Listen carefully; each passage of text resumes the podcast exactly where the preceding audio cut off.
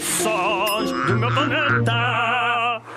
Estamos prontos para mais um som? Ora bem, vamos lá. Ouve com atenção.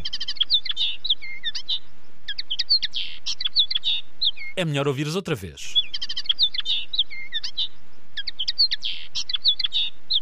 Agora vou-te dar três hipóteses. Escolhe uma. Será o som de um passarinho, um elefante ou um canguru? E a resposta correta é o passarinho. Acertaste. Esta era fácil, não era? Fica atento para mais jogos dos Sons do Meu Planeta.